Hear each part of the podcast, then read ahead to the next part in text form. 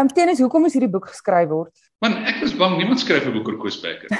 Uh hy's 'n hy's 'n hy's 'n hy's 'n baie interessante entrepreneur en 'n baie uh groot gees in Suid-Afrikaanse sakewêreld. En um op een of ander rede, jy weet, is daar net nog nie genoeg oor hom geskryf nie.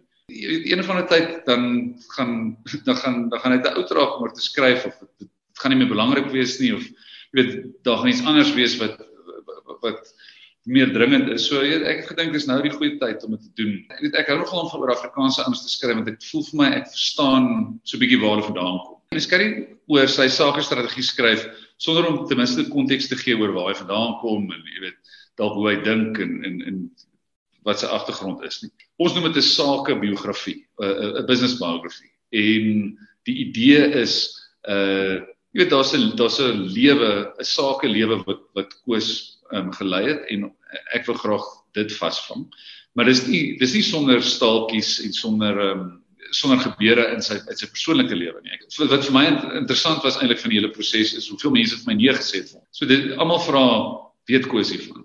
Is hy bewus hiervan? So dan sê ek nee, hy is bewus daarvan, maar ek keer dit nie goed nie. Ek nader vir 'n gemagtigde biografie en uh, hy het dit van die hand gewys. So dan gebruik ek uh, ander metodes. Of dit vrees is en of dit lojaliteit is, koos koos dit definitief mense wat wat nie oor hom wil praat as hulle nie as hulle nie sy toestemming het nie. Ehm um, jy weet of dit van sy kant af 'n 'n bevel is of mense maar net bang is om sy gramskap op die hals te haal dit dit weet ek nou nie. Ehm um, maar uh, ja, daar was 'n paar toe deure. Maar weer eens dan sal baie oop deure. Toe toe ek hom genader het het uh, ons 'n telefoonoproep daar gehad het hy vir my gesê hy's in 'n gelukkige posisie dat hy nog 'n brood kan koop by 'n winkel en niemand weet wie hy is. En ehm um, jy weet dit, dit som net nou maar dit som vir my op wat wat hy wil hê. Hy hy dink nie daar's iets te wen uit publisiteit nie. Ehm um, en uh, jy weet miskien is hy reg, maar ek dink nou weer daar's vir baie Suid-Afrikaners iets om te wen daaruit deur sy storie te lees. Weet jy deur deur te besef dat binne in jy weet in die, in die bestek van jou eie lewenstyd kan jy ehm um, kom ons sê jy kan 'n jy kan 'n definitief 'n fortuin maak, jy kan 'n besigheid bou, jy kan in effek 'n land verander en en jy weet die kultuur van 'n land in 'n sekere rigting stuur. En hy hy hy het al daai goed gedoen.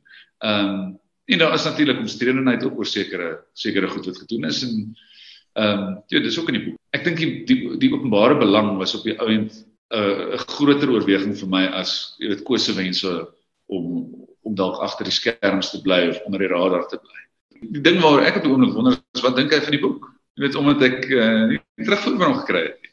Ek het ek het planne om 'n uh, om 'n ordentlike Afrikaanse biografie oor hom te doen want ek het baie materiaal wat nie ingepas het by die formaat wat ek hier wou skryf. Ek weet hierdie is 'n sakebiografie. Dit en soos jy het reg aan die aan die begin gevra het, dit pas op 'n sekere plek in in 'n boek van Daar's dalk baie ander goed daarin wat jy graag wou geweet het van Koos, maar jy weet daar is daar's 'n daar's 'n magdom goeders wat wat kan werk in 'n in 'n ander tipe boek.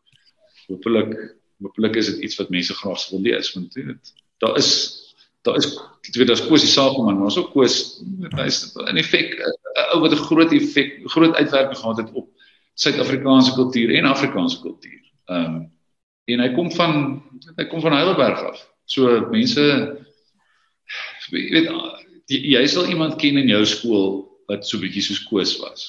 Of hy eendag Koos gaan word of hy jy weet daai tipe sukses gaan bereik. Nee, dit weet 'n mens nie. Maar jy ken 'n hoofseun, tweede span rugby kaptein, eerste span cricket kaptein, bietjie tennis gespeel, jy weet, doeksleerling geword. Daar is so ou in jou skool, jy ken hom. Dit Koos was daai ou. Toe kry dit reg om jy weet miljarde rande te maak deur nie regtig goed te belê. En ek is baie bang dat daai ehm um, dat daai stories nie vertel gaan word nie.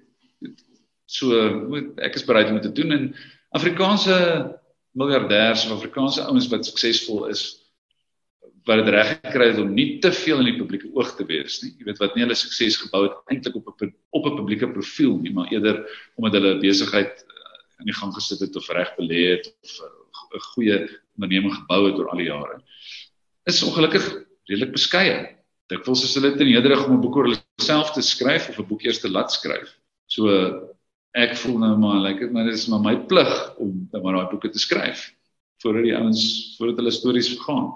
Want hy jy weet hy moes eintlik iets doen wat wat heel deel buite buite die verwysingsraamwerk was van miskien van sy tydgenote of definitief van sy voorgangers, sy sy ehm um, sy ouers se generasie.